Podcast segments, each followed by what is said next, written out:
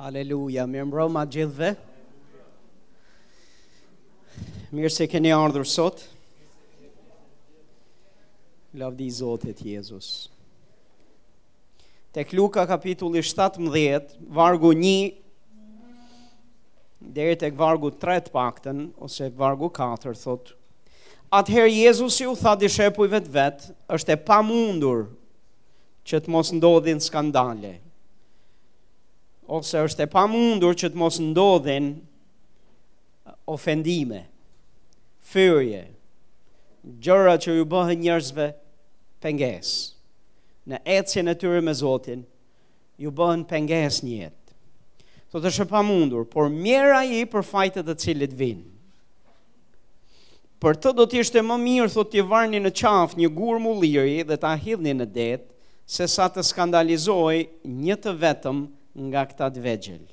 Vargu 3 thotë, kini kujdes veten tuaj. Nëse yt vëlla mëkaton kundër teje, qortoje dhe nëse pendohet, fale. Edhe sikur të mëkatonte shtatë herë në ditë, kundër teje dhe shtatë herë në ditë do të kthehet tek ti duke të thënë pendohem, fale. Vargu një thotë edhe një herë, atëherë Jezusi u tha dishepujve është e pamundur që të mos ndodhin skandale, por mjerë ai për faj të të cilit vijnë, pjesa e parë e vargut tre thotë, Kini kujdes veten tuaj. Dhe këtu dua që të flas pak. Të kemi kujdes veten tonë. Të kemi kujdes veten tonë, ky është urdhër nga Zoti Jezus. Duhet të kemi kujdes veten tonë për çfarë? Duhet të kemi kujdes veten tonë një që ne mos të jemi ata që sjellin skandalet. Që ne mos të bëhemi skandal për të vegjlit, mos të bëhemi skandal për askënd. Dhe së dyti, të mos lëmë mëkatin e askujt të na skandalizojë ne.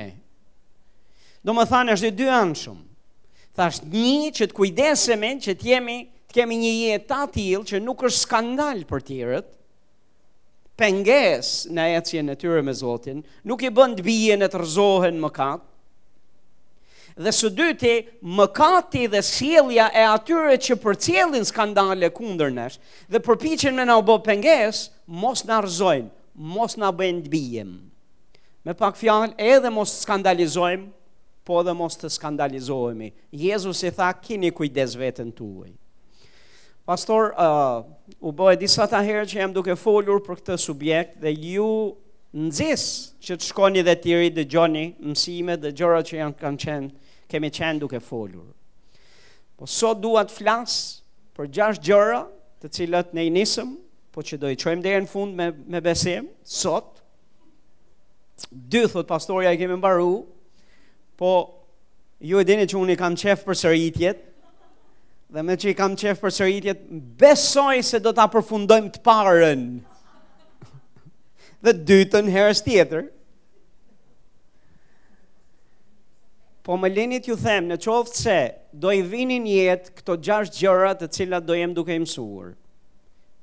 Unë besoj që jo vetëm që s'do jeni skandal për të tjerët, po edhe vetë do keni një jetë të atillë të fortë në Zotin, që askush dhe asgja nuk do t'ju skandalizojë ju. Askush dhe asgja nuk do t'ju bëjë ju të bini. Haleluja. Gjënë e parë që ju fola radhës kaluar është kontrolli i gjuhës. Shumë e rëndësishme se kjo gjuha jonë ka pushtet dhe fuqi të madhe. Ne duhet t'ia nënshtrojmë Perëndisë gjuhën tonë dhe duhet ta përdorim gjuhën tonë për ndërtim, jo për shkatërrim. Duhet ta përdorim gjuhën tonë për inkurajim, jo për dekurajim. Duhet të përdorim gjuhën tonë për nxitjen e të tjerëve në besim dhe jo për t'iu bërë pengesë të tjerëve në besim. Për t'i bekuar, jo për t'i mallkuar. Për të qenë enë që përcjellin hir tek ata që dëgjojnë dhe i ndërtojnë ata dhe jo për të përcjellë uh, dëmtimin e tyre, për të përcjellë rrëzimin e tyre. A e dini se ka pushtet në gjuhën tënde? Ka fuqi të madhe në gjuhën tonë, vetë shkrimi na e thotë. Dhe është shumë e rëndësishme se çfarë flasim. Fjalët tona duhet të jenë fjalë jo therëse, jo fjalë vrastare, jo fjalë që përcjellin vdekje dhe përcjellin vullnetin e të ligut, për të vjedhur, vrarë dhe për të shkatërruar. Fjalët tona duhet të jenë për bekimin e atyre që na dëgjojnë. Dhe në qoftë se ne kontrollojmë gjuhën, në mënyrë të veçantë kur jemi të tunduar për ta keqpërdorur gjuhën. Dhe a e dini kur është koha ku tundimi është i madh për të folur gjën e gabuar, për të thënë gjën e gabuar, për të shprehë fjalë therse, është kur dikush nga krahu tjetër apo rrethanat na çojnë në pikën ku ne jemi në shtrëngim, jemi në presion, jemi në trysni. zakonisht atëherë duhet me u rujt më shumë ama. Sepse kur ti je qetë, kur gjithkush është duke ecë n'dashuri me ty, kur gjithkush është duke të dhanë, është duke të nderu, duke të respektu, kur tjerët janë duke qenë bekim për ty, e di është shumë ma e lehtë për ta kontrollu gjuhën, se në fakt gjuha s'ka nevojë shumë për kontroll në atë rast. Kur ke nevojë për kontroll të gjuhës, më së shumti është kur njerëzit përreth teje, Njerëzit thashë përreth teje të sfidojnë ty, të tundojnë ty për zemrim, të tundojnë ty për të thënë gjën, për të thënë gjën e gabuar. Dhe në raste të tilla duhet të vetëkontrollojmë veten. Dikush thotë amen. Haleluja. Një varg që ishte shumë i fuqishëm, Proverbat 19:11 thotë mençuria e bën njeriun që të mos rrëmbehet shpejt nga zemrimi.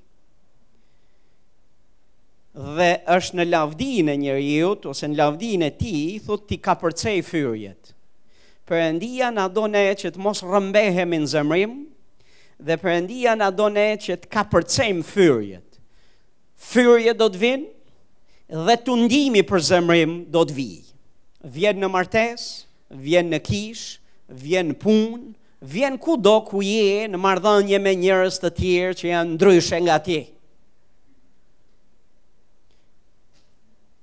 Dhe në qoftë se je akoma në qoftë se e do, e do tamam, edhe sikur të mos kesh askënd rreth e rrotull vetes, veç t'jesh ti, vetëm ti, përsëri, nëse jeni si puna ime, do të gjeni arsye plot për zemrim.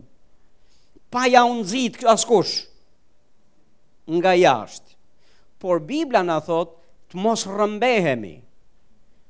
Të vijë tundimi për zemrim, nuk jemi nuk nuk jemi problematikë. Problemi është kur ne rrëmbehemi. Kur ne i jepemi zemrimit. A jeni këtu? Se zemrimi do të trokasë. Mundësitë për t'u zemruar do të jenë. ë uh, njerëzit do bëjnë gjëra që t'i ngrejnë nervat. Njerëzit do thonë gjëra të cilat nuk shkojnë. Njerëzit do të të sfidojnë për zemrim. A jeni këtu? Por çfarë duhet të bëjmë është shkrimi thotë mençuria e bën njeriun të mos rrëmbehet shpejt nga zemrimi, që do të thotë duhet jemi të ngadaltë në zemrim, duhet jemi në kontroll të zemrimit. Dhe thotë mençuria e bën njeriun. Kur dikush rrëmbehet në zemrim, ka vargje bible pa fund që tregojnë se kjo është marrëzi, se është budallik.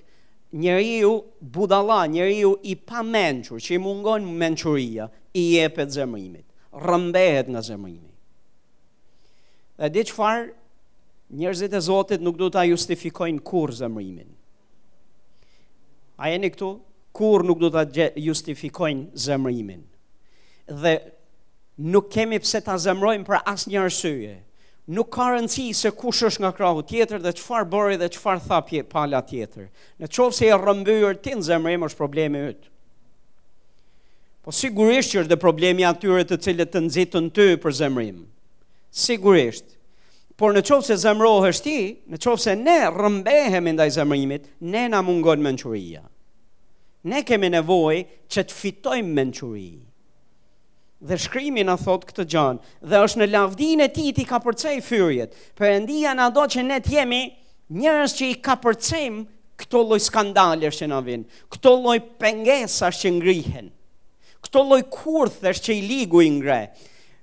Këto lloj kurthesh që fatkeqësisht njeriu përdoret dhe nganjëherë përdoren njerëz shumë të afërm tanë. Se është një gjë që të të vinë fyrjet dhe të të vinë nxitja për zemrim nga njerëz që ti nuk i njeh dhe nuk ke një farë marrëdhënie dhe raporti shumë të afërt. Më është pak më e lehtë ta kontrollosh zemrimin me ata që nuk i njeh dhe nuk i ke afër. Ku bëhet akoma më më e vështirë është kur janë njerëz shumë të afërt. Kur janë njerëz që ti i ke mu afër zemrës. Ëh, mm, siç është po, siç janë uh, bashkëshortët martesë, siç janë fëmijët. Okej, okay, siç janë vëllezërit të cilët jetojnë së bashku. Haleluja dhe që janë uh, kalojnë kohë me njëri-tjetrin. por thotë është në lavdinë e tij që t'i kapërcejë fyrjet. Pastor, fyrjet duhen kapërcyer. Dhe një njeri që kontrollon gjuhën e vet, një njeri që kontrollon gjuhën e vet, dhe e mirëpërdor gjuhën e vet, nuk flet fjalë fyese dhe therse. Nuk përdor, refuzon që ta lejë gjuhën e vet që t'i jepet të ligut, që të jetë instrument vdekje, dekurajimi, përbuzje, turprimi, poshtrimi. Refuzon që të ndez të, të jetë të jetë si zi, që të ndezë, të çlirojë zjarrin e gehenas në jetën e dikujt. Jakobi na e thotë këtë gjë. Na flet dhe ne mund të ndezim me gjuhën tonë, mund të çlirojmë zjarrin e ferrit në jetën e dikujt, zjarrin e ferrit martesën e dikujt, zjarrin e ferrit në kish, zjarrin e ferrit në marrëdhënie, zjarrin e ferrit në jetën e, e kishave dhe njerëzve të Zotit, ose mund të çlirojmë zjarrin e qiellit, zjarrin e frymës shenjtë, e zjarrin e zemrës atit. Njëri zjarr konsumon dhe djeg, shkatërron, vret dhe sjell dëm e mallkim. Zjarri tjetër bekon, pastron, lartëson, ndërton. Gjuha jonë ka shumë rëndësi, pastor. Një vlla i fyer, thot proverba 18, është si një qytet i fort dhe grindjet janë si shulat e një kalaje.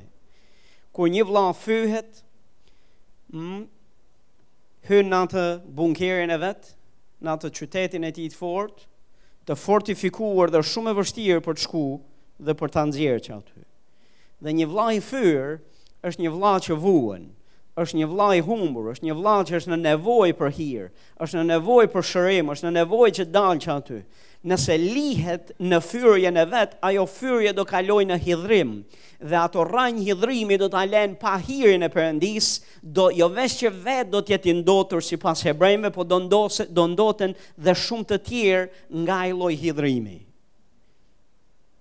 Dhe thot grindjet janë si shulat e një kalaje dhe është në kontekstin është duke thënë që kur një vlla fyhet është i prirë për tu grindur.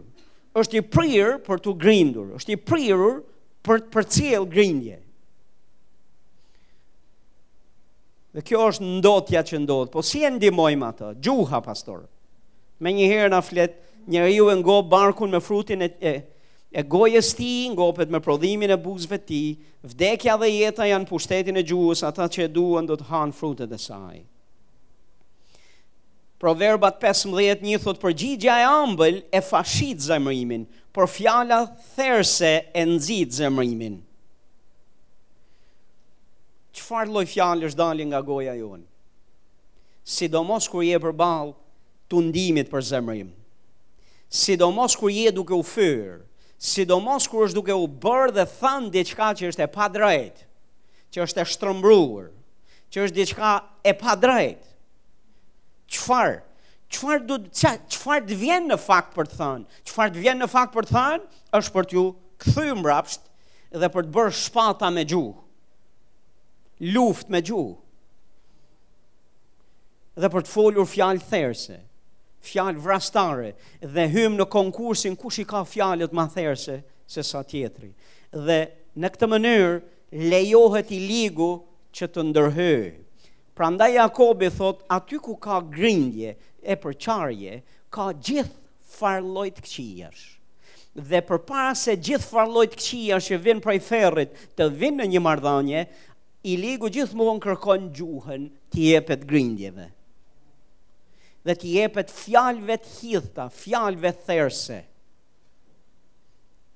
A jeni këtu apo jo?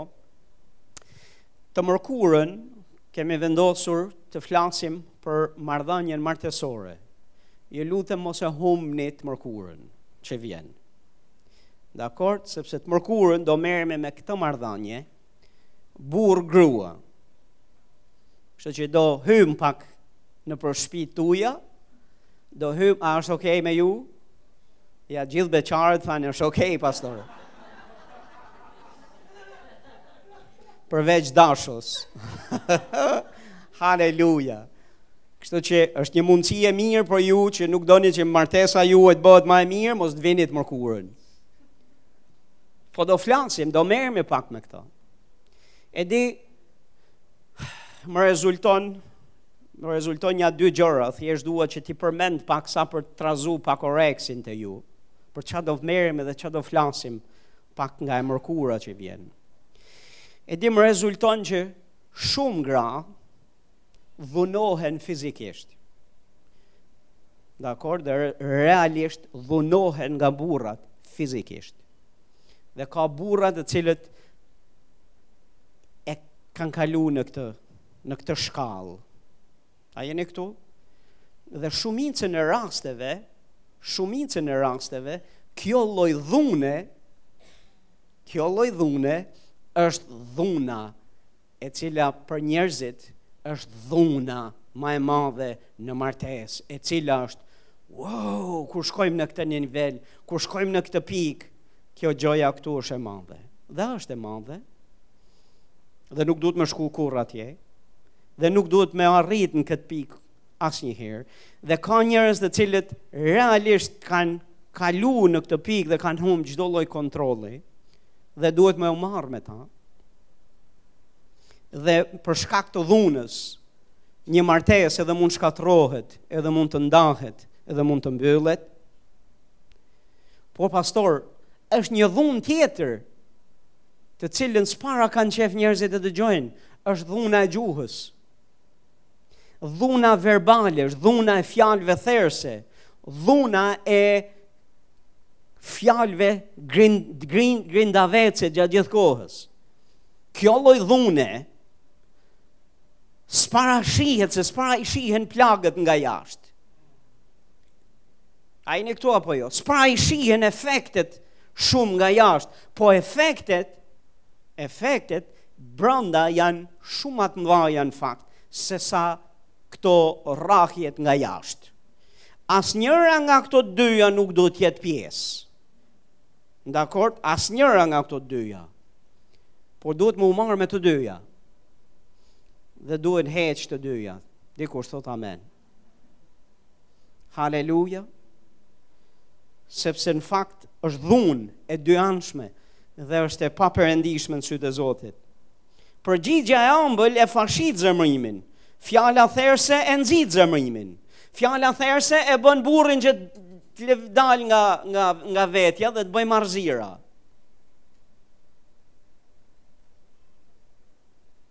Fjala therëse mund ta bëjë edhe gruan që të, të dalë të dalë nga shinat. Fjala therëse bën gjithë. Po shumë e rëndësishme që të kontrollohet gjuha. Fjalët e ëmbla janë si një huall mjalti. Ëmbëlsi për shpirtin, edhe ilaç për kockat.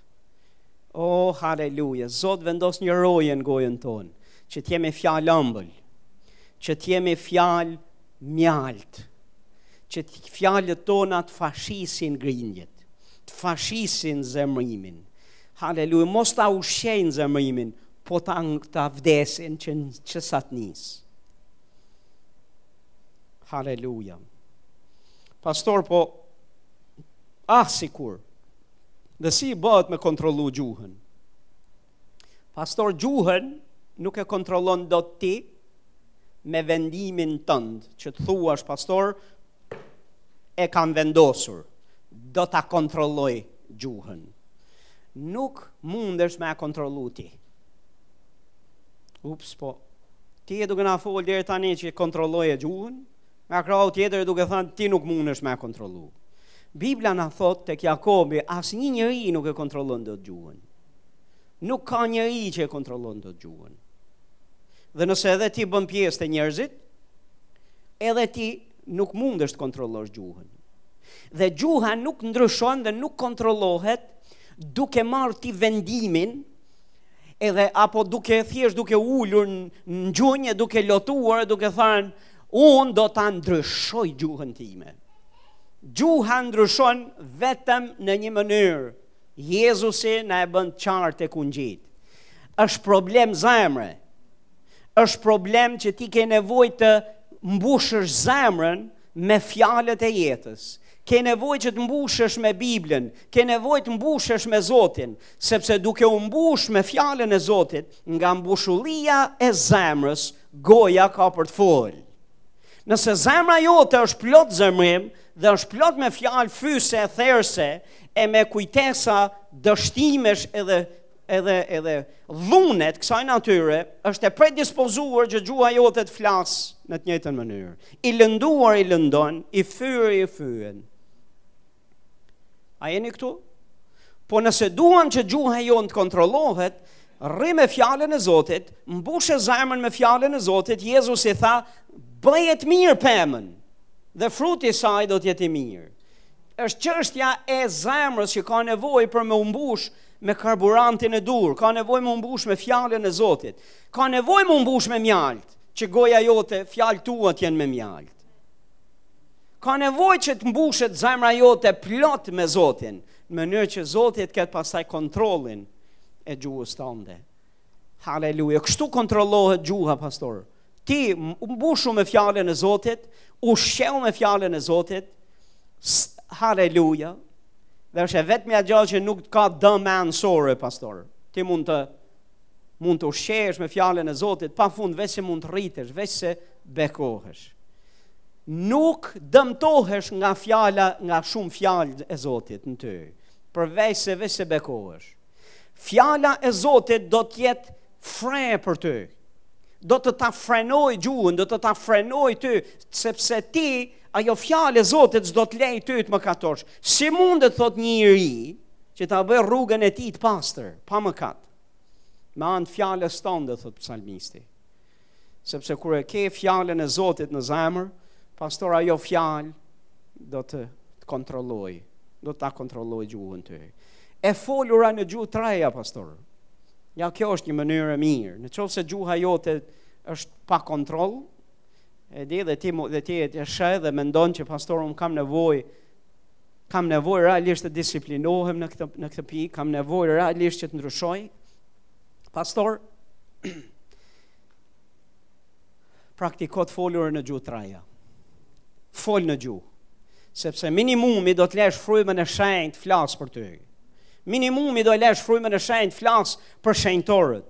Do e lësh frymën e shenjtë të flasë për familjen tënde. Do e lësh frymën e shenjtë të flasë për të ardhmen tënde. Të flasë për ku ku je ti ti do ja japësh mundësinë frymës shenjtë të flasë për ty Sepse vetë shkrimi thot, lutuni me gjithfarë lutjesh dhe përgjërimesh në frym tek Efesianët.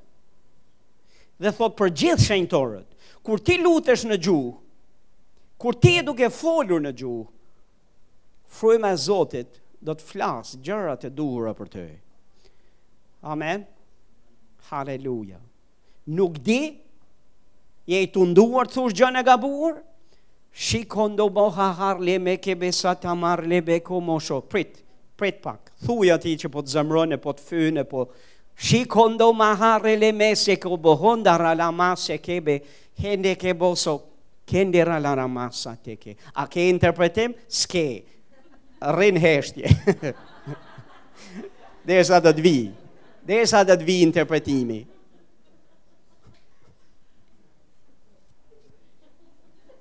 Haleluja. Haleluja. A është Zoti i mirë? Pika e dytë kemi folur për faljen nuk duhet ta shohim duhet ta shohim si detyrim dhe asnjëherë si sakrificë për shpërblim. Shumica e besimtarëve e shohin faljen si sakrificë të jashtëzakonshme që po bëjnë për tjerët dhe disi janë në pritje që Perëndia t'i shpërblej për këtë sakrificë kaq të madhe që kanë bërë se i kanë fal vëllait, motrës, të afërmit të vet mëkatin që ish kryer kundër tij. Jezusi e bën të qartë, sepse dishepujt i thanë, na e shto besimin, ne e pam javës së kaluar, apo herës së kaluar, na e shto besimin, dhe Jezusi tha, nuk është çështje besimi, nëse keni besim, sa një kokërr sinapi, ju mund t'i thoni këtij mani, shkulu e mbillu në det, Të shkulet mani është e pamundur. Imagjinoni të mbillet në ujë. Dhe të mbillet, është e pamundur që të mbillet atje. Më është e pamundur të shkulet, sepse është nga ato lloj pemësh që rrënjët e veta i ka të thella, i ka të shpeshta, i ka të ngatërruara me pemë të tjera dhe rrënjë të tjera dhe të shkulësh një man në të natyrshmen është si të shkulësh një arë me gjithë pemë të tjera që janë që i kanë rrënjët rreth rrotull. Dhe Jezusi tha një kokërr sinapi, besimi sa një kokërr sinapi. Ka pushtet. Ju mund t'i thoni manit shkulu dhe do t'ju shkulet. Domethanë, fryma e Zotit, engjëjt e Zotit, dora e Perëndisë, fuqia e Perëndisë mund të hyjë deri tek ato rranjë dhe nuk ka rëndësi sa të thella janë, ku janë ngatërru, ça kanë prek. i shkull. Dhe Jezusi tha nuk është çështje me ju rrit besimi, është çështje ta vini në punë këtë besim. Dhe një besim, një besim, sa një kokërr sinapi, ka një pushtet të madh të tillë. Dhe Jezusi i mësoi se si funksionon besimi, për falje, duke ju thanë këtë gja, që kur ju të falni, shifeni se si detyrim dhe mos pritni të shpërbleheni sepse vetëm detyrën keni bërë. Kjo është ajo çfarë Jezusi foli te vargjet që ne i kemi përmendur së bashk, bashku. Në te vargu te vargu gjashtë dhe Zoti i tha po të kishit besim sa një kokërr sinapi do të mund t'i thonit këtij mani shkulu me gjithë rrënjë e mbillu në det dhe do t'ju bindej. Thotë tani, cili nga ju po të ketë një shërbëtor që i lëron tokën, ose i kullot kopenë, do t'i thotë kur ai të kthehet nga fusha në shtëpi, eja menjëherë në tryezë, a nuk do t'i thotë përkundrazi, bëje gati darkën, përvishu e më shërbe, që unë të ha e të pi e pastaj të hash edhe të pish edhe ti? Do ta falënderojë ndoshta atë shërbëtor sepse zbatoi ato që ishin urdhëruar? Mendoj thotë se jo. Kështu edhe ju, kur të keni bërë të gjitha ato që ju urdhrohen, thoni jemi shërbëtorë të padobishëm, bëmë atë që kishim detyrë të bënim. Dhe kjo është në lidhje me faljen, se Jezusi akoma është duke folur për faljen. Njerëz të Zotit, kur ne nuk falim, qielli mbyllet, lutjet tona nuk dëgjohen. Besimi ynë nuk ka efekt. Autoriteti ynë në emrin e Zotit, autoriteti ynë në Krishtin, pengohet. Te Marku 11, vargu 23-24, ku Jezusi mëson për lutjen dhe për autoritetin që ne kemi, menjëherë mëson për faljen. Dhe thotë në qoftë se s'falni, as Ati juaj në qiell s'do t'ju falë ju. Dhe kur Jezusi foli për shërbëtorin që nuk fali, borxhin e pak që i kishte, ai që i kishte nën vete. Jezusi tha një gja, iu dorëzua, thotë torturuesve, nga mbreti. Njerëz të Zotit, mosfalja është mëkat serioz dhe është mëkat serioz të cilin i ligu ka dëshirë që të na peshkojë, të peshkojë secilin prej nesh, që ne t'i jepemi këtij mëkati, t'i jepemi mosfaljes. Asgja që tjerët bëjnë, asgja që tjerët bëjnë, nuk duhet na çojnë ne në mosfalje. Nuk ka rëndësi se çfarë mëkatesh janë duke bërë, kundër nesh. Ne nuk duhet, nuk e kemi luksin e të qenit të hyrit në mosfalje, sepse mosfalja na dëmton ne. D na dëmton ne. A jeni këtu? Dhe falja është detyrim. Dhe në qoftë se Jezusi, në qoftë se Ati ynë në qiell, na ka falur ne, ka dhënë mëshirë ndaj nesh, ne duhet të japim mëshirë. Jezusi tha lum ata që japin mëshirë, sepse ata do të Sa prej jush doni të gjeni mëshirë? Doni që të gjeni mëshirë? Nëse duam të kemi mëshirën e Zotit, ne duhet të jemi të mëshirshëm me tjerët. Dhe shumë e rëndësishme në qoftë se ti e shikon si detyrim, dhe e shikon se është detyrim për t'iu bindur urdhrit për të falur. është urdhër nga Zoti që të falim dhe në qoftë se s'falim nuk është mes meje dhe njerëzve tjerë, është mes nesh dhe Perëndisë që na ka urdhruar dhe na ka kërkuar që ne ta bëjmë këtë detyrë. A jeni këtu? Dhe shumë herë besimtarët ne përpiqemi të, të gjejmë justifikime pse ne jemi të hidhëruar, pse ne jemi të fyer, të ofenduar dhe pse ne jemi në mosfalje. Nuk ka asnjë lloj arsye për të qenë në këto lloj gracke, sepse kjo është grackë nga i ligu për të ta shkatërru jetën, për të dëmtu ty. Dhe dikush që refuzon të fyhet, refuzon që të bjerë në mëkatin e mosfaljes, pastor, o, oh, nuk rrëzohet, nuk e rrëzon dot. Ky, ky individ nuk rrëzohet. Ky individ është i shëndetshëm frymërisht. Dhe kështu na do Zoti ne. Na do që të fitojmë mençuri, që kur vjen tundimi për mosfalje, ne mos të jepemi. Kur vjen tundimi për zemërim, ne mos të rrëmbehemi. Kur vjen fyerja, ne e kapërcejmë. Dhe në qoftë se kontrollojmë gjuhën, dhe në qoftë se ne uh, jemi njerëz që falim dhe falim shpejt, Falim dhe falim shpejt dhe dimë të falim. E di shumë besimtarë nuk dinë të falin. Nuk dinë të falin. Atë që ata quajnë falje nuk është falje biblike. Falja, lloji i faljes së Zotit është e tillë. Ai na ka falur, ai i ka harruar mëkatet tona, Ai qëllimisht nuk i mban mend më, ai nuk ka për t'i kujtuar kurrë dhe kurrë edhe në qoftë se ti bën mëkate të cilat janë të njëjta me ato që ti i ke pas bërë më përpara, ai nuk thotë, hajde këtu ti, se i ke pas bërë ca, ai i ha, ka harruar dhe hedhur në liqenin e harresës, qëllimisht. Dhe nuk hakmerret për to, nuk të dënon për to,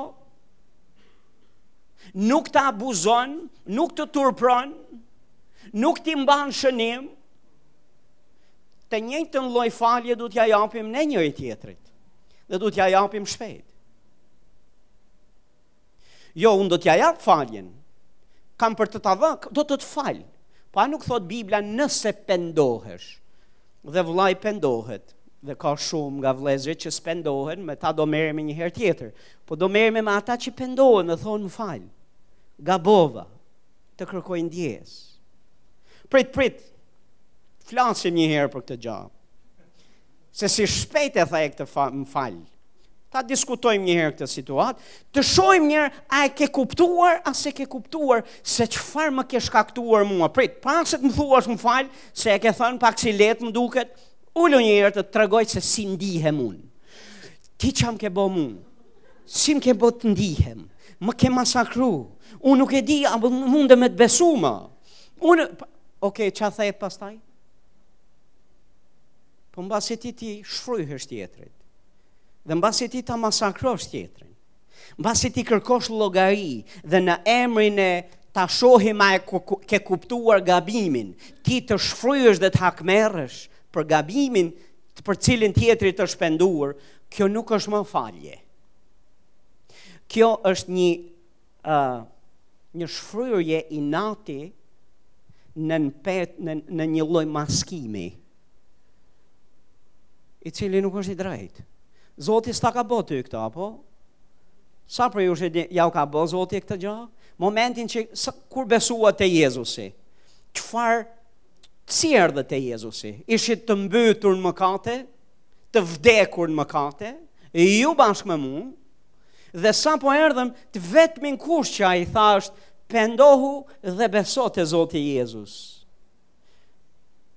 Dhe ai do të ta pastrojë zemrën tënde me gjakun e Krishtit, ndërgjegjen tënde. Do të t'i falë paudhësitë tua, i ka harruar, nuk i mban mend më, i ka hedhë në liqenin e harresës. Nuk, ke, nuk ka njeri që mund të vijë e të më thotë që Perëndia i ka kërkuar llogari ma për një nga prej atyre mëkateve. Dhe për çdo mëkat të cilin ne ia rrëfejmë Zotit, ai e ka harru. Nuk është se i mungon memoria. A jeni këtu? Dhe nuk është se është i paaftë për të vendosur drejtësi e për t'u hakmarrë dhe për të tregu ty, për të ta tregu qejfin për gjanë që ke bërë. Në, nuk është se i mungon aftësia, por ka zgjedhur të sillet kështu. Nëse ai ka zgjedhur kështu, sillu dhe ti me tjetrin kështu. Sillu dhe me të tjerët ti kështu. Ji i shpejt për të falur. Ji i shpejt për të falur. Ji i shpejt për të thënë Haleluja, të kam fal. I shpejt për të thënë më fal nëse ke gabuar. Haleluja. Është Zoti ynë i mirë. Pika e tretë. Le të kalojmë tani lavdi Zotit, pika e tretë. Mësimi i ri këtë. Bërja e të mirës nuk duhet parë kurrë si opsion. po është urdhër. Bërja e të mirës. E di njerëzit bëjnë të keqen ndaj teje. Po pse bëjnë njerëzit të keqen ndaj teje, kjo nuk të jep ty dhe mua të drejtën që ne të bëjmë të keqen gjithashtu. Ata do japin llogari për veprimet e tyre, ti dhe unë do japim llogari për veprimet tona. Nëse tjetri sillet keq, Nëse tjetri bën të keqen, ne nuk po e quajmë të mirë. Dhe ne nuk po mbyllim sytë dhe themi jo, kjo është e mirë. Jo, mor është e keqe. Veprimi i tjetrit mund të jetë realisht i keq. Bibla thotë nëse vllai yt ka mëkatuar kundër teje, që do të thotë vllai mund të mëkatojë kundër teje, nuk bën gabime, po ka mëkatu kundër teje. Në rregull, dhe ekziston mundësia që tjetri të bëjë të keqen. Po pse bën tjetri të keqen, kjo nuk do të na na jep ne të drejtën që ne të bëjmë të keqen. Dhe në kushte të tilla kur tjetri bën të keqen, maturia e një fëmije të Zotit tregohet se ma, se ka se ai bën të mirën edhe në kushte të tilla. Shifni se ça thotë shkrimi. Romakët 12 vargu 17, mos ia ktheni thotë kurrkujt të keqen me të keqe. Kërkoni të bëni të mirën përpara të gjithë kafshëve. Më falni. Thotë përpara gjithë njerëzve. Mos ia ktheni thotë kurrkujt të keqen me të keqe. Kërkoni të bëni të mirën përpara gjithë njerëzve në kishë. Jo, nuk thotë në kishë, po përpara të gjithë njerëzve. Edhe atyre njerëzve që sillen ashtu siç thashë pak ma heret. Mos ia kthe, thotë kurrkujt, kurrkujt, fjalë shumë e bukur shqipe, mm, nuk thotë vetëm askujt, Po thotë kurrë kujt. Kombinim shumë i bukur fjalësh, një nga ato fjalë shqipe që më pëlqeka. Kurrë thotë kujt mos ia kthe të keqen që ta bën ty me të keqe. Dhe ky është standard i lartë, o oh, pastor, standard, standard i lartë. Shko te mësimi i parë që kam folë. është standard jo i lartë, është standard normal për dikë që ka Jezusin për Zot. Dhe që thotë Zot, fjala jote është ligj për mua. Fjala jote është ligj, është urdhër për mua. Ti thua mos ia kthe kërkujt të keqen me të keqen, e meriton t'ia kthej të keqen me të keqen, e meriton t'ia tregoj vendin, e meriton t'ia tregoj qejfin, e meriton që t'i tregoj se si s'duhet të sillet më duke i treguar, ta bëj të ndihet një herë, prit një herë t'i tregoj një herë unë se çfarë do të thotë kur ti sillesh keq me dikë, se çfarë shenjash e plagësh i le tjetrit. Edhe për këtë s'e kemi këtë të drejtë. Fëmija i Zotit nuk e ka as këtë të drejtë. Qoftë edhe për t'i treguar atij se si ndihet, se disa e kanë mision, duan që t'i bëjnë njerëzit të ndiejnë, uh, se ça i shkaktojnë tjerëve me të keqen e tyre, duke i bërë ata të ndiejnë, të ndihen keq dhe të bëjnë me veprime të njëjta me ta. Nuk na e ka dhënë Zoti këtë mision. Nuk e ke këtë mision. Misioni ynë është për të bërë të mirën. Po të jetë e mundur dhe aq sa varet prej jush, jetoni në paqe me gjithë njerëzit. Sërish jo me gjithë njerëzit në kishë, po me gjithë njerëzit. Në kishë dhe jashtë kishe. Nga njëherë është sfidë e madhe me qenë e me jetu në paqe me njerëz që nuk e njohin Zotin. Nga njëherë është akoma ma sfidë me njerëz që e njohin Zotin. Se këta që e njohin Zotin, nga njëherë mund të bëhen sfidë ma e madhe, sepse përfshihen në fetarizmin e vet dhe kanë gjithfarëlloj shkrimesh dhe kanë gjithfarëlloj teologjish për të justifiku veten e vet. Se sa drejtë e kanë. Po nuk është drejtësia e Perëndisë dhe nuk është pjesë e natyrës së tij. Po gjithsesi thotë, jetoni, sa është e mundur dhe aq sa varet prej jush, sepse jo gjithmonë varet prej te, prej teje. Po ti duhet t'jesh paqebërës. Ne duhet t'jemi paqebërës. Nëse kripa e humb shijen e saj. nuk nuk vlen më për asgjë veçse ta shkelin njerëzit. A e dini se të qenit paqebërës, kjo shija e fmijës Zotit, kjo shija e, e, e njerëzve të Zotit, kjo na bën ndryshe ne nga bota. Që ne jemi paqebërës, e duam paqen, luftojmë për paqen, e kërkojmë paqen. Edhe atëherë kur s'ka, ne luftojmë për të. Dhe aq sa varet prej nesh, sepse jo gjithmonë është n'dorën tonë, po mbasi ti ke bërë hapat tu, dhe ke bërë hapat tu mirë për bërë paqe, sepse disa prej nesh mendojnë se, e, e bëra një tentativ, një tentativ të vakët, edhe themi, s'është më n'dorën time. Unë e bëra ç'ishte n'dorën time. Dhe në fakt s'e ke bo ç'është në dorën tënde. Ke, ka, e ke, ke bo një tentativ të vakët e jo serioze. Dhe Zoti do që ti t'jesh serioz në këtë kërkim. E, kërkoni paqe me gjithë njerëzit, thotë Bibla. Sepse pa këtë, nuk asnjë thotë nuk ka për të parë Perëndinë tek Hebrenjve. Nuk e di për ju, po unë nuk dua që t'jetë ftyra e askujt mes meje dhe Perëndisë. Ftyra e askujt nuk është e denjë që të hyjë mes meje dhe Perëndisë. Edhe as për ty s'duhet të jetë. Amen. Dhe çfarë duhet të bëjmë? Kërkoje ti, çfarë është sa është n'dorën tënde, ti bëj çdo përpjekje, duke kërku Zotit lutje, duke kërku Zotit urtësi, duke mendu duke mendu si mund ta fitosh vllain tënd të ofenduar e të fyrë, vllain tënd që është mbas mureve të fortifikuara dhe mbas shufrave të hekurta nga mbrapa. Si mund ta arrish atë? Zot m'jep urtësi, ça të bëj? Shumica e besimtarve luten o Zot ndryshoje atë. Hmm, më le të të them një gja, Zoti ka m'u marrë me ty një herë. Ti, kërko paqen, sa është n'dorën tënde. Vargu 19, mos u hakmerrni për veten tuaj, po këtë varg duhet ta fshini nga Bibla se është rastësisht e kanë shtuar uh, përkthyesit. Mos u hakmerrni për veten tuaj o të dashur. Jepini vend zemërimit t'Perëndisë. Haleluja për zemërimin e Zotit që do vijë mbi ta. Mm. Sepse është shkruar, mua më përket hakmarrja, unë kam për të shpaguar, thotë Zoti. Hej, kjo është varg për profetë. Haleluja, di sa profetë kemi në kishë? U, sa profetët e pëlqejnë këtë varg.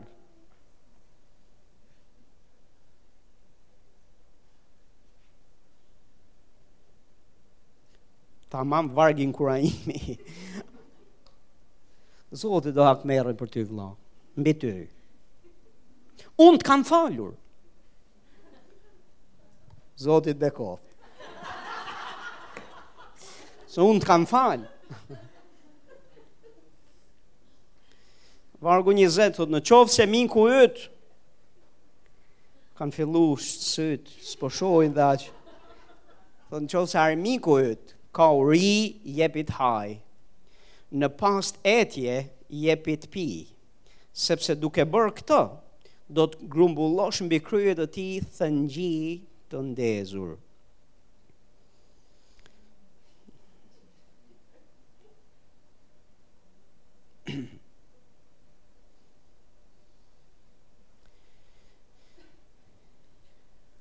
Një pyetje kam. Çfarë sikur armiku yt të jetë bashkëshorti, bashkëshortja jote? Të jetë fëmija yt. Mund të jetë vëllai yt. të jetë motra jote, të jetë nana jote, të jetë babai yt, të jenë ata të cilët janë të shpisë, dhe Bibla thotë, nuk e përjashton mundësinë e të qenit kështu. Sa prej jush, sa prej jush do ishit kaq të zellshëm për të shku për të mbush lopatën me thëngjij të ndezur dhe për t'ia vënë mbi kokë. Sa prej jush do donit që të shkojnë të përfundojnë ata në ferr? Sa prej jush e keni këtë pasion dhe dëshirë? Do doni që ata të kalojnë përjetësinë dhe të vuajnë për çfarë kanë bërë ndaj teje?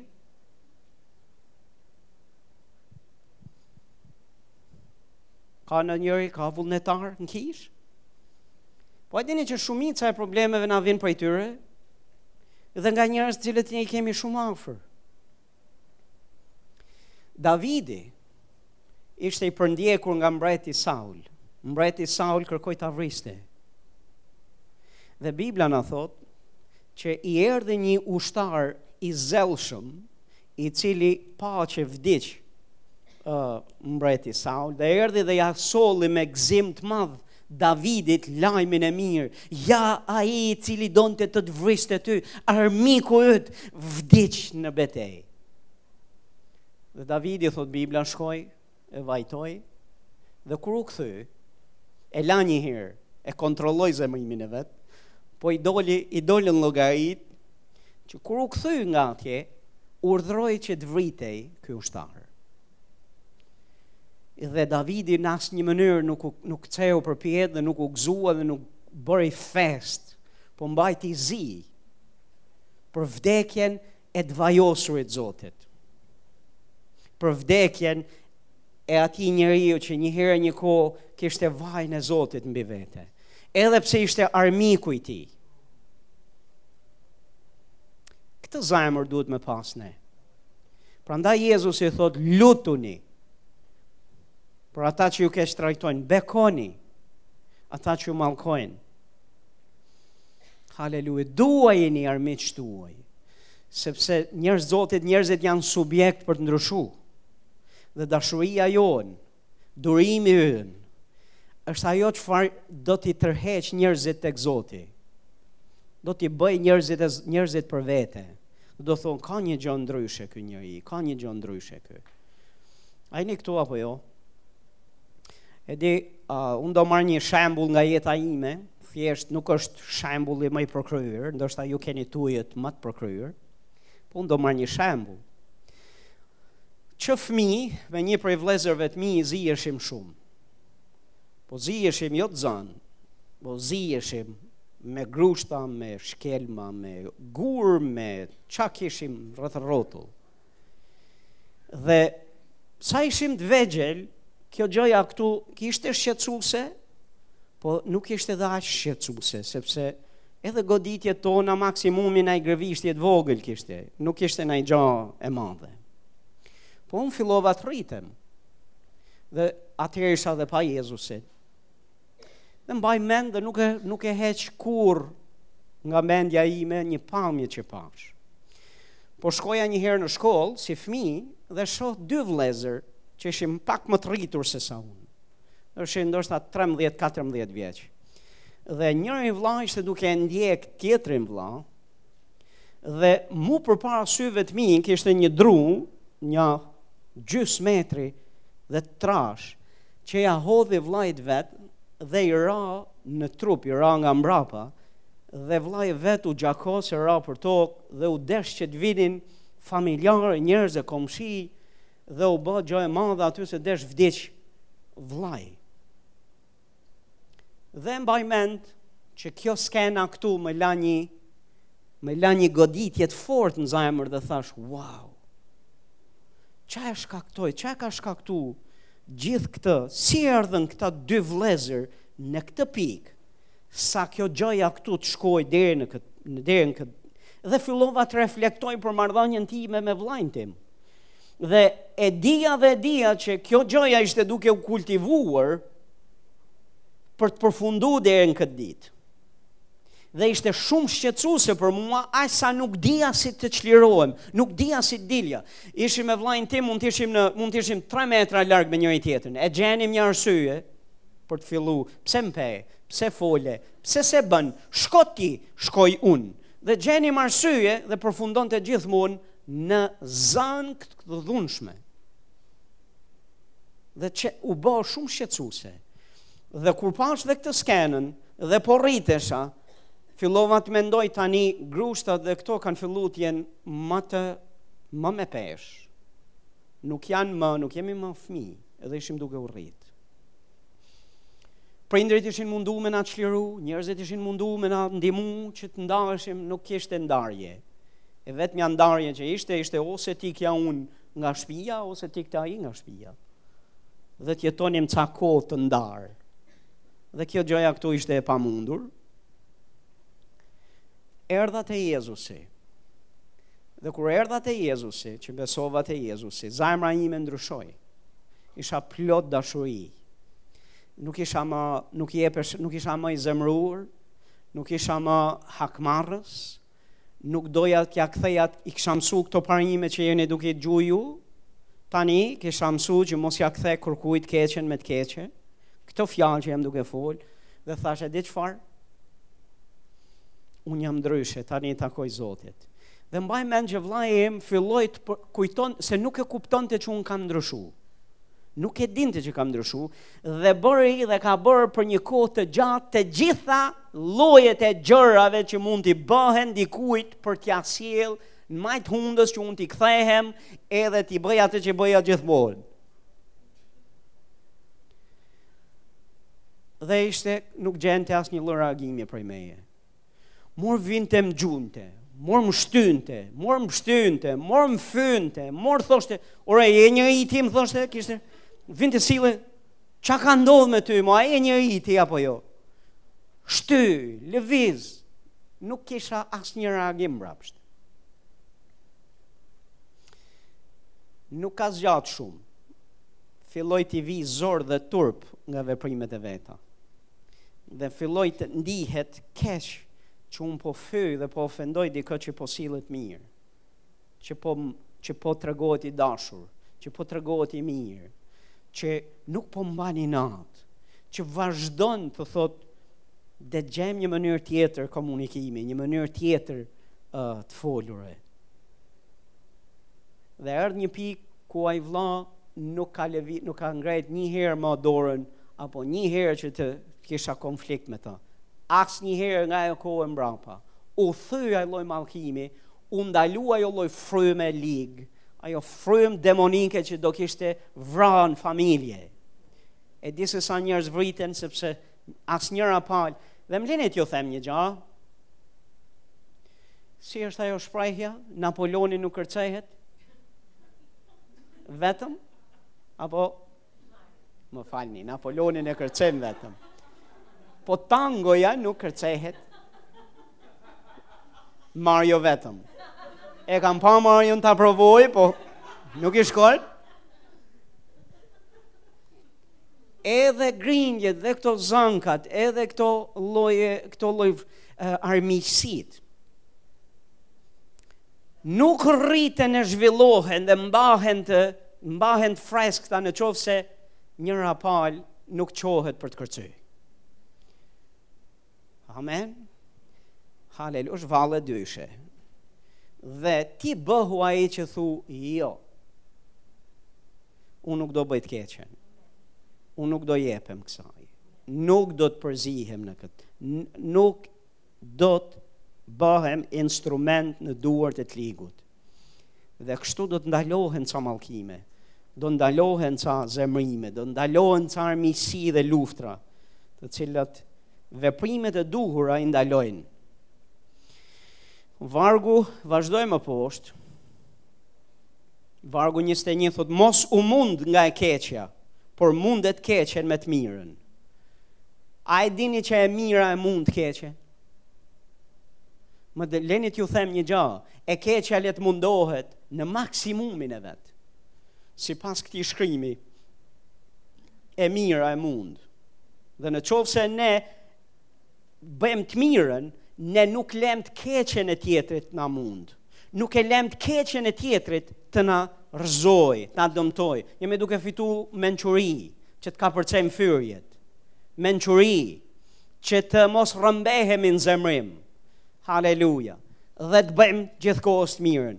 Dhe sipas këtyre shkrimeve, pastor, nuk është opsionale bërja e të mirës. Bërja e të mirës, haleluja, është pjesë e natyrës së fëmijëve të Zotit. Galatasit 6, vargu 7 deri në 11, thotë, mos u gënjeni, Perëndia nuk vihet dot në lojë, Se çfarë mbjell njeriu atë dhe do ta korr. Sepse ai që mbjell për mish të tij do të korrë nga mishi i tij prishje, por ai që mbjell për frymë do të korrë nga fryma jetën e përjetshme. Le të mos lodhemi duke bërë të mirën, sepse po të mos lodhemi do të korrim në kohën e vet.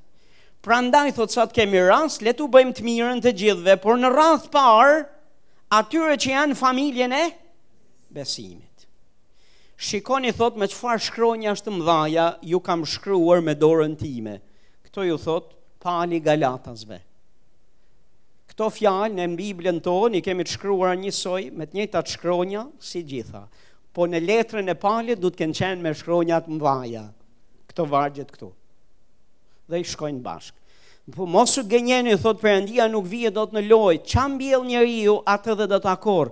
A e di se veprimet tua, veprimet dhe sjelljet tua dhe të miat janë farë. Dhe atë që ne mbjellim, ajo na kthehet ne. Dhe të na kthehej sa fara, do të ishim shumë të lumtur për disa veprime. Por kthehet një masë e mirë, e ngjeshur, e tundur, gufuse, Edhe të derdhet ty mu në Prandaj shumë njerëzve ju merret fryma herë mbas here. e keni vënë re që kanë probleme me këtë pjesën e zemrës edhe me këtë pjesën e kraharorit këtu se nuk e di pse. Kjo ishte shtesë. Veprimet, edhe thotë shkrimi thotë, Perëndia nuk vihet në lojë. Po ta shohësh me kujdes është duke thënë që Perëndia merr seriozisht dhe mban shënim të gjitha gjërat që ne bëjmë. Dhe na thotë sepse është ligj, ligji i të mbjellurës dhe të korrës. Ky është ligj nga Perëndia, është ligj i dhanë për të mirën tonë në fakt. Po në qoftë se ne nuk e përdorim për të mirën tonë, i ligu e përdor ligjin e drejtë të Perëndisë për të na dëmtu ne. Ky ligj në fakt është për të na beku ne, sepse nëse ne nuk lodhemi së bëri të mirën, në kohën e vet do të korrim. E mira jonë, e mira jonë, madje edhe në mes kushtesh kur jemi të tunduar për t'u mundur nga e keqja. Nuk i kalon Zotit pa e parë dhe pa e, pa e vënë re. Dhe Zoti do të sjellë të korrën e vet. Zoti ka për të ndërhyrë. Dhe ndërhyrja e Zotit është kjo, për të mirën që ti ke mbjell, Zoti do të jap një të korrë të mirash bolloku në jetën tënde, në kohën e vet. O, oh, kur është kjo koha e vet? Koha e vet. Amen. O, oh, u lodhas duke bërë veç unë të mirën. Ktheu një pak, flasim pak për këtë. E lodhur ti, vetëm ti duke pse të bëj vetëm unë të mirën? Pse s'e bën dhe ti të mirën? Pa hajde një herë, 50 me 50 është kjo punë këtu. Ti bëj të mirën, edhe unë bëj të mirën. 50% ti, 50% unë. Pse u dashka që të bëj veç unë të mirën? Sepse Biblia të thotë. Dhe Biblia nuk na thotë 50 me 50, Bibla thotë njëqind me njëqind. Bëj të mirën gjithë kohës. Dhe mos thuaj që e di çfarë, pse duhet vetëm unë. Haleluja, lavdi Zotit që ti qenke me men, mendjen në kokë, me mendje të shëndoshë, sa Qenke i ndërgjegjësuar se duhet bërë gjëja e duhur dhe gjëja e mirë. Bëje atë gjë dhe mos u lodh, mos u dorëzo, bëje të mirën, se Perëndia mban shënim dhe atë çfarë ti do të bësh për mirë, Zoti do ta kthejë shpërblim. A jeni duke besu për marrëdhënie të restauruara me njerëzit? Pastor bëj të mirën. Të po të ka bo keq, e mora vesh, më binde. Zoti është i bindur, të kanë bo keq ty. Ti shko e bëj mirë. Ti munde të keqen me të mirë. Ti gjej rrugë e mënyra sa është në dorën tënde të bësh gjënë e duhur, të bësh gjënë e mirë. Pastor, besimtari kurrë nuk ka justifikimin për të bërë gjënë e keqe dhe gjënë e gabuar dhe veprimin e gabuar. Në qoftë se gabimi dhe e keqja e të tjerëve na bën të sillemi keq ne, ne kemi rënë, ne jemi bërë si të këqinj si ata, dhe nuk duhet të lejojmë të keqen e tjetrit të na tjetërsojë ne, të na bëjë ne të këqij. A jeni këtu, A është dikush këtu apo jo? Haleluja. Le të shkojmë tek pika e katërt. Oh, haleluja, pika e katërt. Duhet të mësojmë të ecim në dashuri dhe dhe të jetojmë nga kjo perspektivë, nga perspektiva e dashurisë së Zotit. Dhe shifni se në çfarë si e shef fjala e Zotit ecjen në dashuri. E para e Gjonit, kapitulli 2, thotë vargu 3, dhe nga kjo e dimë se e kemi njohur atë në qoftë se zbatojmë urdhrimet e tij. Ai që thotë unë e kam njohur atë dhe nuk zbaton urdhrimet e tij, është gënjeshtar dhe e vërteta thotë nuk është në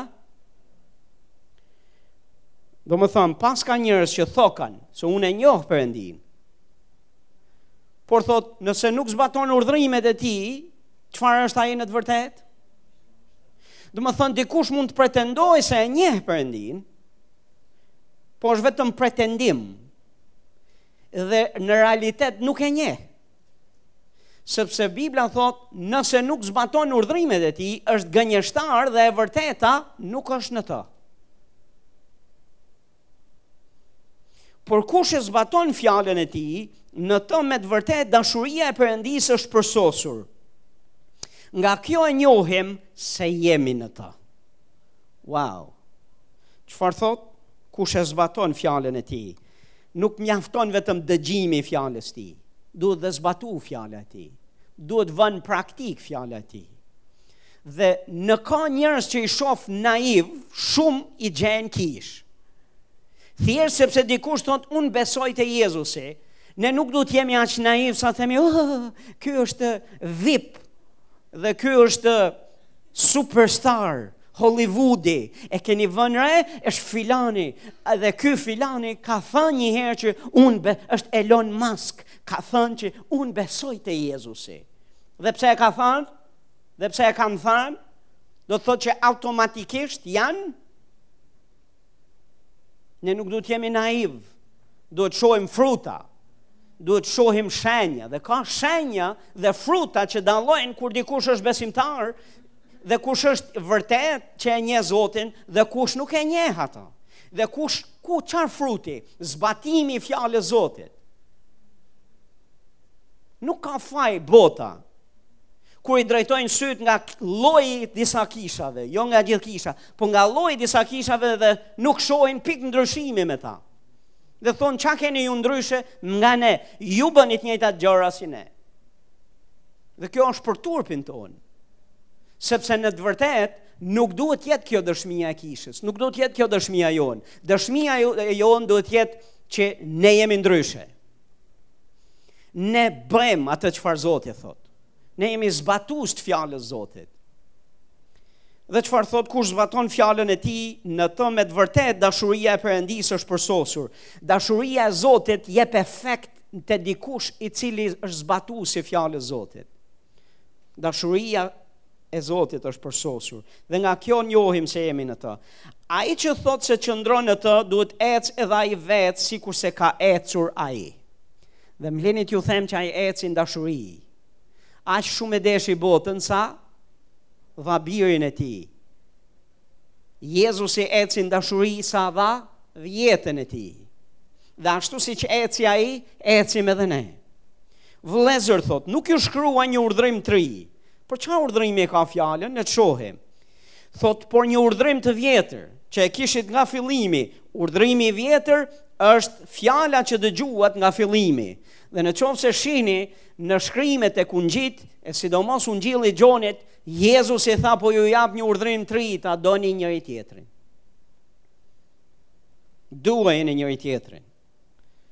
Thotë, ai që thotë se është në dritë dhe urren vëllanë e vet, është ende në errësirë. Ai që do vëllanë e vet qëndron në dritë dhe nuk ka asgjë në të që e bën të bjerë. Domethënë, në qoftë se ke dashuri për vëllezërit e tu, për vëllanë tënd, nuk ka asgjë në ty që të bën të biesh. Po në qoftë se jo, thotë, shkrimi thotë, a, uh, është ende në errësirë.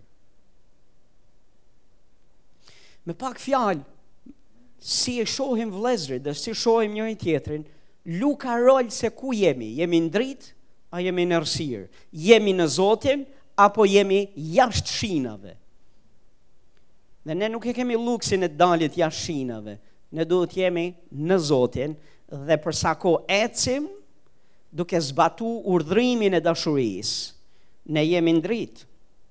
E para Gjonit 4, vargu 6, thotë ne jemi prej Perëndisë, kush e njeh Perëndinë na dëgjon, kush nuk është prej Perëndisë, nuk na dëgjon. Nga kjo thotë njohim frymën e të vërtetës nga fryma e gabimit. Shumë të dashur, le ta duam njëri-tjetrin, sepse dashuria është nga Perëndia dhe kushdo që do ka lindur nga Perëndia, dhe e njeh Perëndinë. Ai që nuk ka dashuri nuk e ka njohur Perëndinë, sepse Perëndia është dashuri. Në këtë është shfaqur dashuria e Perëndisë ndaj nesh, se Perëndia dërgoi Birin e Tij të vetëmlindur në botë që ne të rrojmë nëpërmjet Tij. Në këtë është dashuria, jo se kemi dashur ne Perëndinë, por ai na ka dashur ne dhe dërgoi Birin e Tij për shlyerjen e mëkateve tona. Shumë të dashur, Në qoftë se Perëndia na ka dashur në këtë mënyrë, edhe ne duhet ta duam njëri-tjetrin. Shumë të dashur, me pak fjalë, nëse Perëndia ishte iniciator në dashurinë e tij, edhe ne duhet të jemi ndaj vëllezërve.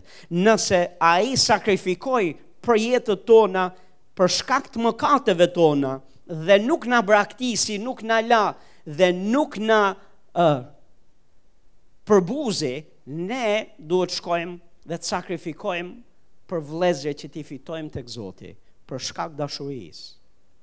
Kjo lloj dashurie është derdh në zemrat tona. Askush s'e ka parë ndonjëherë Perëndinë, thot, po ta duam njëri-tjetrin, Perëndia qëndron në ne dhe dashuria e tij është e përsosur në ne. E thanë e perifrazuar, ky varg është duke thanë, a doni që të shihet Perëndia në ne? Nëse ecën në dashuri, Perëndia do të shihet, sepse ai është dashuri. Amen. 5. Mos u përzi me punët e tjerëve. Pastor, në qoftë se i kemi, jemi te fitu, akoma jemi duke fitu mençuri, si mos të bijem ne, as mos skandalizojmë njeri dhe as mos të na skandalizojë kush. Ky është një parim shumë, shumë i bekuar në shkrime. E para e Pjetrit 4 vargu 15, por asnjë nga ju thot le të mos vuajë si vrasës, ose vjedhës, ose keqbërës, ose sepse përzihet në punët e të tjerëve. Vargu 15 thot ose sepse përzihet në punët e të tjerëve. Tani unë kam një problem me Pjetrin këtu. Pse i ka rrjeshtu këto lloj mëkatesh, vrasjen, vjedhjen, keqbërësin, e të qenit keqbërës, me përzirjen me punët e tjerëve. Sepse pastor, në qoftë se e sheh me kujdes edhe në theksin që vendos Pjetri në këtë, në këtë pikë, po edhe përdorjen e këtyre termave janë s'bashku. Dhe shumë herë nuk duhet me u përzi me punët e tjerëve, sepse kur përzihesh, Ke për të vra dikë. Ke për t'i bërë keq dikujt. Ke për t'i vjedh dikujt nga nga jeta e tij. Mos u përzi me punët e tjerëve. U, me pak fjalë mos i fut hundët në punët apo mos i fut punët në hundët e tjerëve. Këtë e ka thënë profeti Naim. Pjetri është duke thënë, asnjë nga ju le të mos vuajë, sepse do vuash, dhe mund të vuash, dhe po të shifni në shkrime, në qoftë se vuan si vrasës, vjedhës, keqbërës, mirë të të bëhet. Sepse s'duhet të jesh as vjedhës, as keqbërës dhe as vrasës. Po më lër të të them edhe nëse vuan se i ke fut hundët në punët e tjerëve, po prap mirë të të bëhet. Dhe duhet të mësosh që mos t'i fusësh herë tjetër. Mos futesh e të përzihesh me punët e tjerëve. Wow, si i ka Bibla gjitha përgjigjet e jetës. I ka, pastor i ka. Dhe në qoftë se ne rrimë në konturet e autoritetit dhe të drejtave që Zoti na ka dhanë, a e dini sa mirë ecin punët? Kur fëmija bën fëmijën, kur gruja bën gruën, kur burri bën burrin, kur pastori bën pastorin, kur uh, delja e kishës bën delen e kishës, kur vllai bën punën e vllait,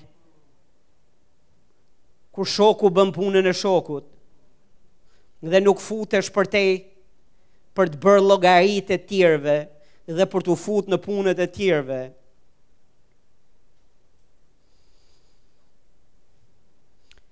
Haleluja. Momentin që ti merresh me punët e tjerëve, momentin që ti futesh në punët e tjerëve, mundësia për të gabuar është e madhe. Mundësia për të mbjellë farat e gabuara është e madhe. Dhe mundësia që të të kthehet mbrapsht e disa herë A ju ka ndodh ndonjëherë që ju të keni pas një pamje për një çështje të caktuar, dhe kur je ul me personin që ti ke pas atë pamje, kur ke dëgju versionin e tjetrit, ka pas raste ku ke, tha, ku ke dash ta kafshosh gjuhën për ça ke pas menu, o për ça ke thënë, pa e dëgju tjetrin. Sepse s'pas ke pas pamjen e plotë, s'pas ke pas dit se ku në ç'këpucë pas ka qenë tjetri. Më lini këtu t'ju them një gjë.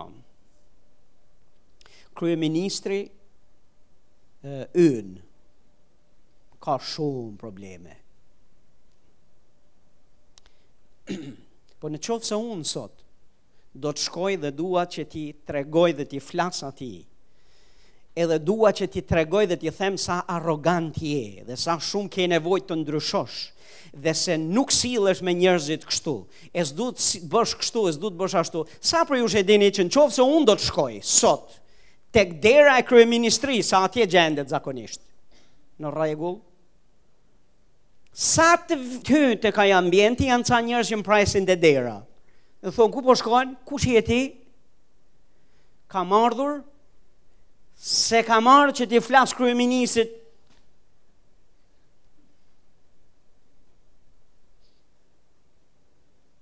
Nuk është roli im për ta bë atë punë. Dhe nuk është vendi për ta bë atë punë. Dhe do të vuaj që te dera. Po nëse për naj arsye e kalova derën, kam për të vuajt pak mbas dere. Po unë kam të drejtë dhe unë dua të shkoj, dua të shkoj t'i tregoj atij qefin. Dhe dua t'i tregoj se si ai duhet të sillet dhe si duhet bëjë gjënë e duhur. Unë mund të dua, unë mund të kem të drejtë, po nuk është biznesi dhe puna ime, nuk jam unë autoriteti i tij. Nuk, jam, nuk e kam unë këtë, këtë tagër dhe autoritet dhe të drejtë për shku për ta bo këtë gjë. Tani është tjetër gjë nëse ai më ka ftuar dhe thotë pastor Fatmiri kam dëgju për për për ty. Je njeri i Zotit. A mund të më thush diçka nga nga Zoti? Dhe do t'ia them, dhe do t'ia them atë që po ua them ju. po është tjetër gjë. Dhe është tjetër gjë të marrësh të drejta për të hy n'punët e të tjerëve, pa një autoritet dhe pa qenë i autorizuar. E di në Bibël na flitet se si Jezusi ju tha dishepujve. Ju tha dishepujve që do shkoj në kryq, e mbani mend? Dhe kur ju tha, thotë, Pjetri e mori mënjanë, ju tha do bie në duart e njerëzve, dhe ju do të gjeni në shkrime, thotë që Pjetri e mori mënjanë, thotë dhe e qortoi Jezusin. Le të themi bashkë e qortoi Jezusin. Dhe qortimi i tij ishte Jezus, s'ka për të ndodh, nuk kam për ta leju këtë gjë. Ti s'duhet shkosh si të biesh ti n'duart e njerëzve.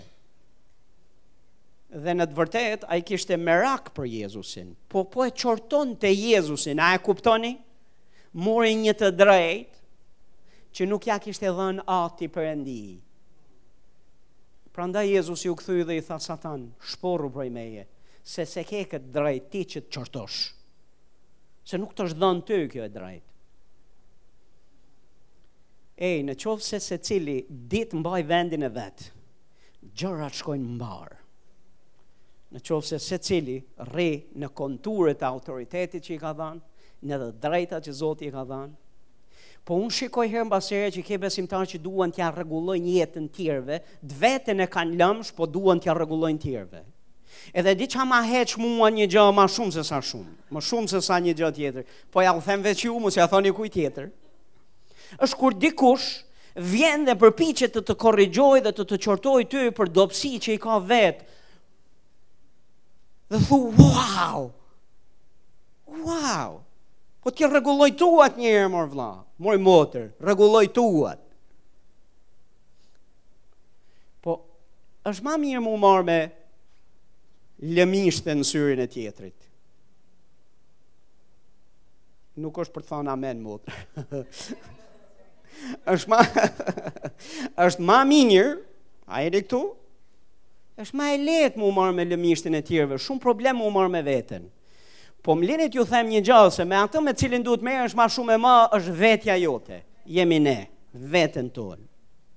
Dhe meqë ra fjala, një nga tundimet më të mdhaja të pastorve, që janë si puna ime, dhe të shërbyesve, dhe të mësuesve, të cilët e kanë për mision që të ndihmojnë të tjerët, është që të harrojnë veten. Dhe këtë duhet me rujt. Prandaj themi lutuni për ne. Lutuni për ne, se është e lehtë me rregullu jetët e tjerëve. Duhet me rregullu dhe tonën. Secili duhet merret me punët, të përzihet po me punët e veta. Amen. Se i kemi disa që s'duan m'u përzi as me të vetat. E gjashta dhe në mbyllje. Është ki dhe kultivo një frymë butësie. Për këtë du të flas pak. A do më leni pak të flas? Edhe po s'më latë, unë flas gjithsesi. Galatasit gjashtë, vargu një, thotë vëllezër. Në qoftë se dikush bie në ndonjë faj, ju që jeni frymorë, diskreditojeni publikisht, poshtërojeni, turpërojeni, mbylljani çdo derë, vriteni dhe mos i lini asnjë lloj mundësie të çohet ma në kamë, sepse ai është i padenjë që të jetë në mesin tuaj. Ky është përkthimi i versionit Nuk është në fakt ky. Thotë vëllezër, në qoftë se dikush bie në ndonjë faj, që do thotë dikush mund të bie në faj. Thotë ju që jeni frymorë, ju që e mbani veten për frymorë, lartësojeni thotë me frymë butësie. Domethënë, restauroje se ka është rrëzu,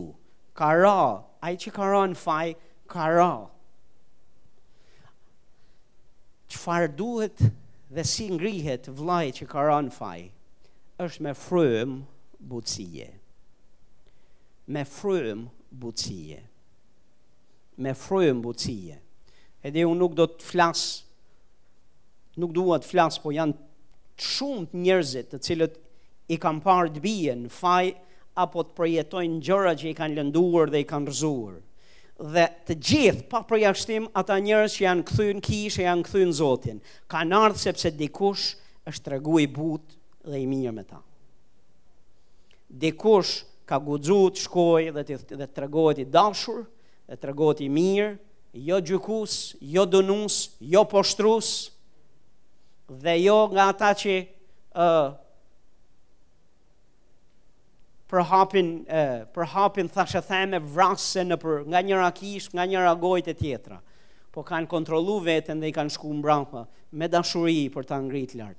Nëse ka ra dikush në faj, do të thotë që ka nevojë me ia dhënë dorën, nuk ka nevojë me i dhënë shkelmin. Dhe thotë, ata që janë frymorë, e lartësojnë me frymë butësie. Në qoftë se dikush bie në faj, dhe nuk shkojmë për ta lartësu me frymë butësie, do të thotë që ne nuk jemi frymorë. Dhe një kishë që s'është e aftë për me ngrejt njerëz që bien në faj, do të thotë që ka nevojë m'u maturu dhe m'u pjekë. Frymë butësie. Por thotë ki kujdes veten tënde se mos tundohesh edhe ti.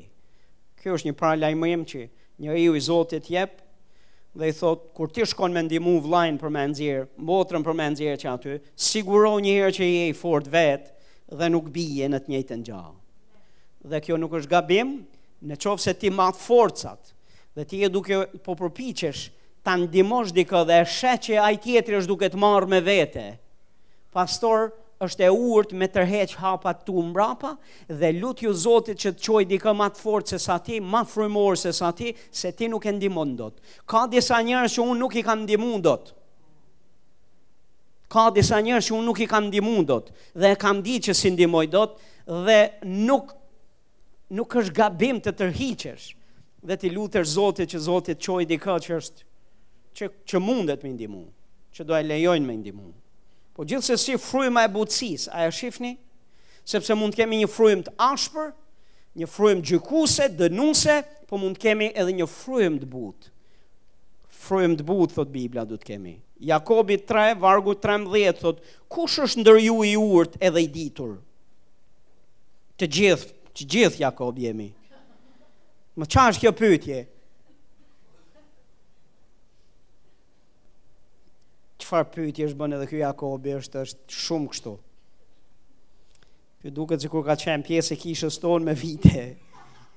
Thot, le të tregojë me sjellje të bukur veprat e tij me zemërbutësi të urtësisë. Hej, a nuk mjafton veç me bo veprën e bukur ose vepër të mirë? Bane bre vëlla veç veprën e mirë. Jo, shkrimi thot t'i bësh veprat, po t'i bësh me sjellje çfarë sjellje? Sjellje të hijshme, sjellje të bukur. Që edhe të mirën kur ta bësh, ta bësh me hije, me hijeshi. Edhe të mirën kur do ta bësh, të jetë sjellja jote e bukur, të ketë të ketë hije. Thot dhe me zemërbutësi të urtësisë.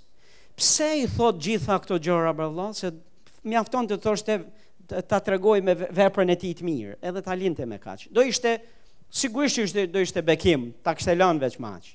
Po pse thot me sjellje të bukur, Dhe pse u dashka edhe të kesh zemërbutësi, edhe urtësi kur bën veprën? Sepse vepra kur nuk bëhet me sjelljen e bukur, edhe me zemërbutësi, edhe me mençuri, mund të jetë vepër në menjen tënde ndërtuese dhe bekim, po mund të dëmtojë tjetrin. Po kur ka është e mbushur me zemërbutësi, është e frymëzuar nga zemërbutësia, edhe nga urtësia, edhe sjellja jote është realisht e bukur, atëherë ajo vepër e mirë ka me ndërtu tjetrin, ka me beku tjetrin. A e keni lexu në Bibël që thotë dashuria juaj të mos jetë me hipokrizi? Pse? Sepse ekziston mundësia që të kesh dashuri dhe dashuria jote të jetë e miksuar me hipokrizi. Dhe nëse është e miksuar me hipokrizi, dëmton. Është dashuri, po është një si pse pse pra ka, ka kjo dashuri një shije që t'hidhet. Se ka hipokrizi brenda pastor. Po kur, po pse kjo vepër e mirë disi nuk jep efekte dhe nuk ka ndikim? Duhet të ketë zemërbutësi, duhet të ketë urtësi dhe sjellje të bukur. Amen. Duhet të jesh i kujdesshëm me pak fjalë, të jesh i urtë. Ku? Kur dhe çfarë të bësh? Dhe duhet t'i lutesh Zotit që të bësh gjënë e duhur në kohën e duhur. Sepse nganjëherë mund të jetë gjëja e duhur në kohën e gabuar dhe për ty është e mirë, po për tjetrin nuk është e mirë. Si t'jua shpjegoj këtë pjesë, si t'ja, të marr pak një, një shembull që ta kuptoni disi.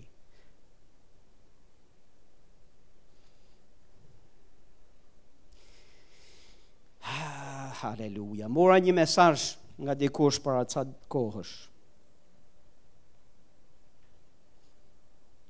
Dhe ky dikushi pëlqente dikë n'kishë. Pëlqente një vajzë në kishë. Në rregull, Edhe po e lëmë këtu. Haleluja. Mos ta lëmë thu. Jo, këto. Po u kujtova se jemi duke u marrë me punët e tjerëve. Dhe meqë u kujtova, më mirë, më mirë tërhiqemi. Pastorja thotë, Tërhiqu pak si shpejt, haleluja, dikush thotë amen, lavdi Zotit për pastorin. Prandaj vëllezër, nuk është mirë që burri t'lihet vetëm. Ka arsyje. Filipianët 4, vargu 5. e, është urtësi që t'dëgjosh Zotin e t'dëgjosh dhe gruan tënde. Dëgjoni mu është, është mirë. Filipianët 4 vargu 5 thotë zemërbutësia juaj le të njihet nga të gjithë njerëzit. Zoti është afër. Ok, po kjo zoti është afër pse e fut këtu? Dhe çfarë, domethënë, ok, zemërbutësia juaj të njihet nga të gjithë njerëzit, domethënë u dashka, zoti dashka, paska e dashka që njerëzit t'na njohin për zemër të butë. E kundërta e zemërbutësisë është një zemër e ngurtë, një zemër e ashpër, një zemër e akullt e ftohtë, një zemër e pandjeshme. Zemërbutësia juaj thot të njihet nga gjithë njerëzit, Zoti është afër. Po po shikoja në Bibël një varg i cili është kaq i përafërt me këtë këtu. Më lini t'jua lexoj këtë, se janë, edhe do jua komentoj. Jakobi 5 vargu 9 thot mos mos u ankoni nga njëri tjetri vëllezër që të mos dënoheni thot ja gjykatësi është te dera kurse ai tjetri thot ja zoti është afër këtu thot ja Zoti gjykatës është te dera, është afër. Janë shumë të njëjta. Thot mos u ankoni nga njëri tjetri vëllezër që të mos Domethënë paska dënim kur ne ankohemi për njëri tjetrin. Dhe në qoftë se ti sheh kur flet Jakobi aty, flet dhe përmend se ka arsye, domethënë këta njerëzve, këtyre njerëzve që ju thot mos u ankoni për vëllezërit, Kishin arsye sepse vëllezërit ishin duke u sjell keq me ta. Shifeni në kontekst më vonë, dhe ju do ta gjeni që ishin duke u sjell jo mirë. Dhe çfarë thot, çfarë thot Jakobi thot mos u ankoni, mos e merrni të drejtën e ankimit ndaj njëri tjetrit, që të mos dënoheni. Thot ja gjykatësi është tek dera dhe është tek dera për vë vëllezërit. Thot mos u ankoni nga njëri tjetri. Vargu tjetër thot zemërbutësia juaj të njihet e kundërta e zemërbutësisë është ankimi. është hapja e gojës me ankim. Dhe ankimi pastor është përpara Zotit, para syve të Zotit. Është një prej atyre mëkateve që la në shkretir një popull të Zotit dhe nuk e lejoi që të hynte në tokën e premtuar, sepse Zoti tha ankues, të hyjnë atje? Jo. Ankues të hyjnë në bekimet dhe jetën që unë kam për ta? Jo. Mos u ankoni nga njëri tjetri vëllezër, që të mos dënoheni. A është Zoti i mirë?